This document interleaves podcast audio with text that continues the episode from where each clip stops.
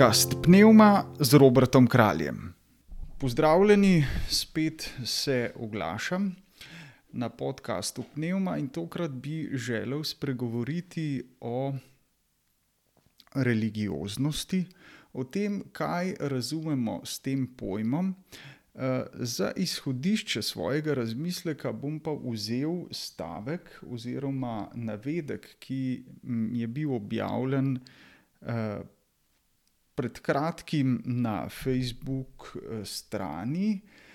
In sicer gre za um, citat Scotta Hena, uh, ki je um, pravzaprav uh, ameriški uh, teolog, uh, in citat pa pravi naslednje: Je v angleščini, uh, ampak ga bom nekako prevedel, pravi takole. Eh, predstavljajte si, eh, če bi vsak katoličan postavil na prvo mesto ali pa bi dal prednost nedeljski sveti Maši, da bi molil vsak dan, eh, bi hodil k spovedi enkrat na mesec in bi svoj čas, talente in to, kar je prejel, namenil za poslanstvo cerkve. Eh, če bi služil ubogim in bolnim in evangeliziral druge, tako na tak način bi lahko spremenili potek celotne zgodovine. Tako na kratko povzeto, se pravi, m, zdaj pa kaj ta uh, citat o čem govori. Se pravi, tukaj je skrita neka. Eh, na prvi pogled ne, je to vse v redu. Ne. Človek pač eh, katoličan hodi k maši, nedeljski sveti maši, potem hodi k spovedi, moli vsak dan in tako naprej. Ne. Ampak eh, in vse ostalo, kar sem naštel, ne. ampak tukaj zadaj ne. Eh, na prvi pogled zadeva deluje, se nam zdi vse v redu. Zelo, zadeva je zelo nekako natančno določena, kaj moramo početi, da se bo spremenila zgodovina. Vendar pa, ko začnemo, ko, ko gremo globlje eh, in ne gledamo samo tako površinsko, ne, eh, pa bomo videli, da je ta navedek pravzaprav lahko rečemo nevaren, da je ta navedek nevaren. In sicer zaradi tega, ker v sebi skriva eh, neko obliko religioznosti. In sicer Uh, lejte, če mi, mi lahko, seveda, hodimo vsako nedeljo k maši in molimo vsak dan, in tudi služimo, in, in uh, pravzaprav izgorimo, ne, in marsikdo je to že počel. Ne, ampak, če to počnemo brez tistega življenjskega soka, predvsem pa, če to počnemo brez Kristusa, je to lahko zelo nevarno in se eh, pravzaprav sprevrže v fanatizem, se sprevrže v neko radikalno življenje, ki pravzaprav nima z odrešenjem nobene, nobene skupne, eh, eh, bi rekel, nič skupnega. In kako pravzaprav do tega pride? Glejte, to, kar je tukaj rečeno, ne, je pravzaprav, mm, moramo vedeti, da je ravno sedanja, sodobna kriza krščanstva, ne, pri, eh, eh, da smo v tej krizi ravno zaradi tega, ker se je krščanstvo na ta način izvotlilo. Skozi stoletja smo začeli nekako izpolnjevati samo neke gole rituale, ho, hoditi k maši, ne da bi sploh vedeli in razumeli, zakaj gre. Eh, Ali pa k spovedi, in tako naprej, molili smo avtomatično, sploh eh, brez tega, da bi vsem tem bil Kristus in da mi, bi, bi nas pravzaprav od znotraj, od znotraj prežemala božja ljubezen. Kristus sam. Ne? In gledajte, tukaj bom dal en zelo lep primer apostola Pavla. Apostol Pavel je ravno to izkusil. Gledajte. On je bil kot farizej izredno goreč in to je bila neke vrste religioznost, ne, s katero je on mislil, da si bo prislužil odrešenje. In je točno to, kar je tukaj rečeno. Vsak ne, katoličan ali pa takrat farizej naj dela to in to v postavi in bo deležen odrešenja. Ne.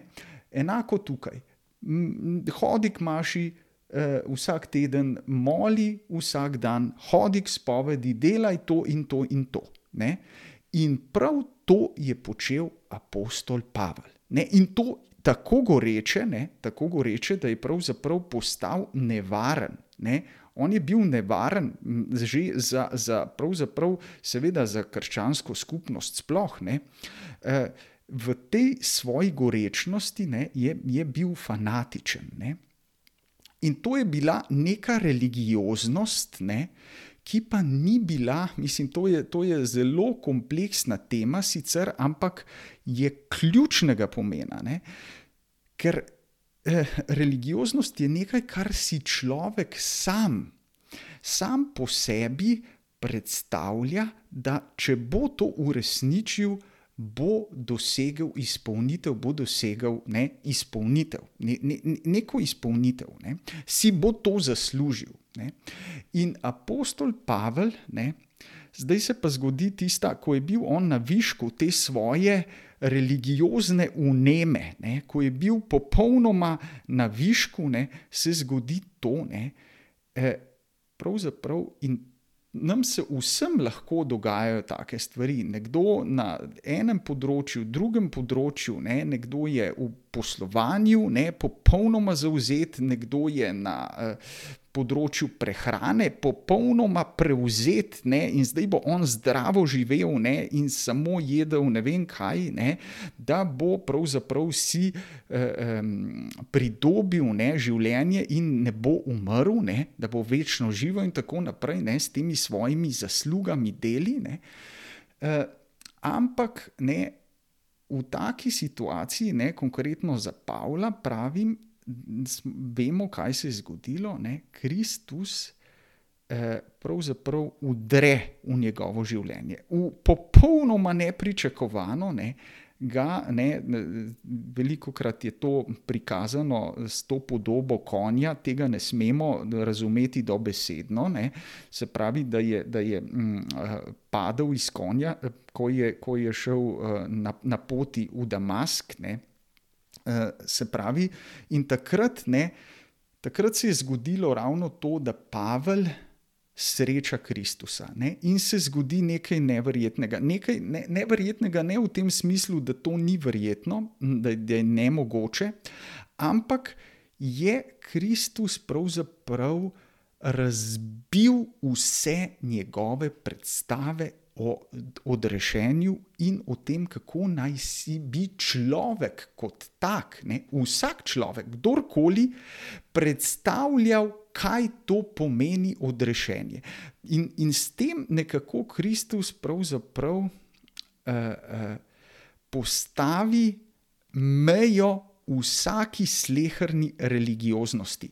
In zato je potrebno, da vsako tako religioznost, ki jo mi vidimo z vidika sveta, se mora preizkusiti z, z Kristusovega gledišča, se pravi, z, z perspektive Kristusa. E, jaz moram srečati Kristusa, če želim prav presojati celotno življenje ne, z, z mojim duhovnim oziroma religioznim življenjem vred. Ne. In se pravi, in potem vidimo, ne, kako se Pavel spremeni. Se, ko, ko se zgodi to spreobrnjenje, ko on spozna Kristusa, njegovo osebo, ne, osebno, ko ga sreča osebno, in seveda to srečanje pusti. M, take posledice, da se njegovo življenje popolnoma spremeni. Ne? Popolnoma. Ne? On sam sebe da na razpolago, ne? ampak samo zaradi tega, ker je. Kristusa srečal osebno. Ne, ne zaradi tega, da smo videli, tista njegova religioznost se sesuje v prah. Ne. In tudi vse naše eh, predstave in ideje, kakšno naj bi bilo uh, odrešenje in kako bomo zdaj mi tako uh, ne, živeli. Recimo, ne. Kot rečeno, ne, še enkrat poudarjam, jaz ne preziram, da ne bi kdo slučajno narobe razumel. Za me je Maša izredno pomembna.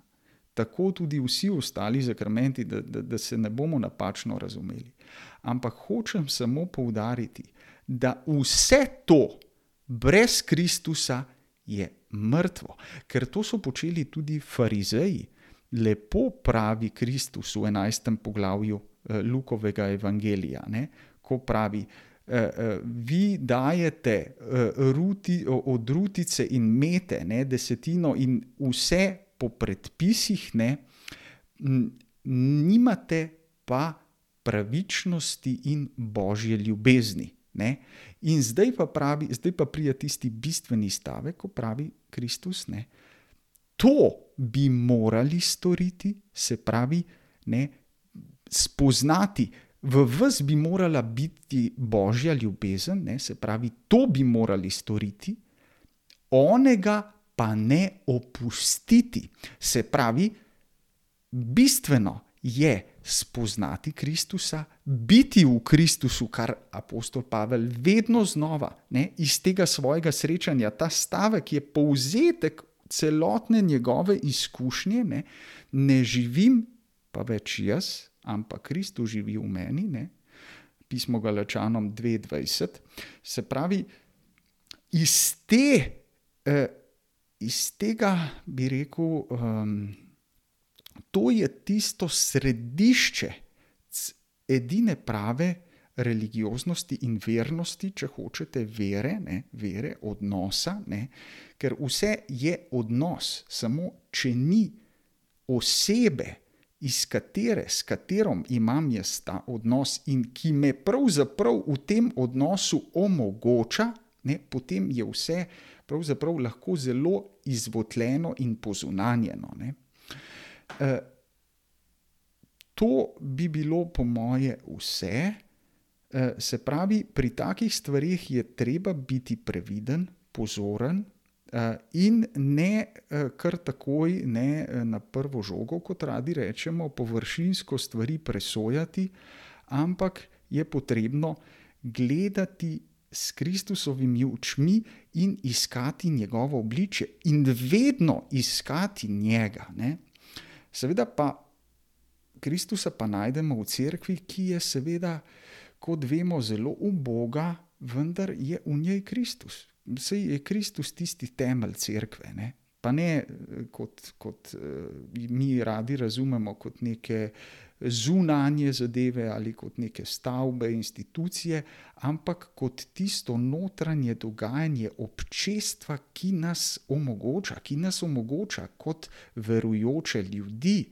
Ne? Mi sploh ne bi mogli verjeti, verovati, če nam, če nam ne bi bilo to dano, če nam ne bi, to je čisti dar. E, to nam omogoča sam Gospod. Ne? Se pravi, res, da ne bom predolg, eh, ta razmislek si vzemimo in, in o tem razmišljajmo, eh, eh, ker nam bo vsem koristilo.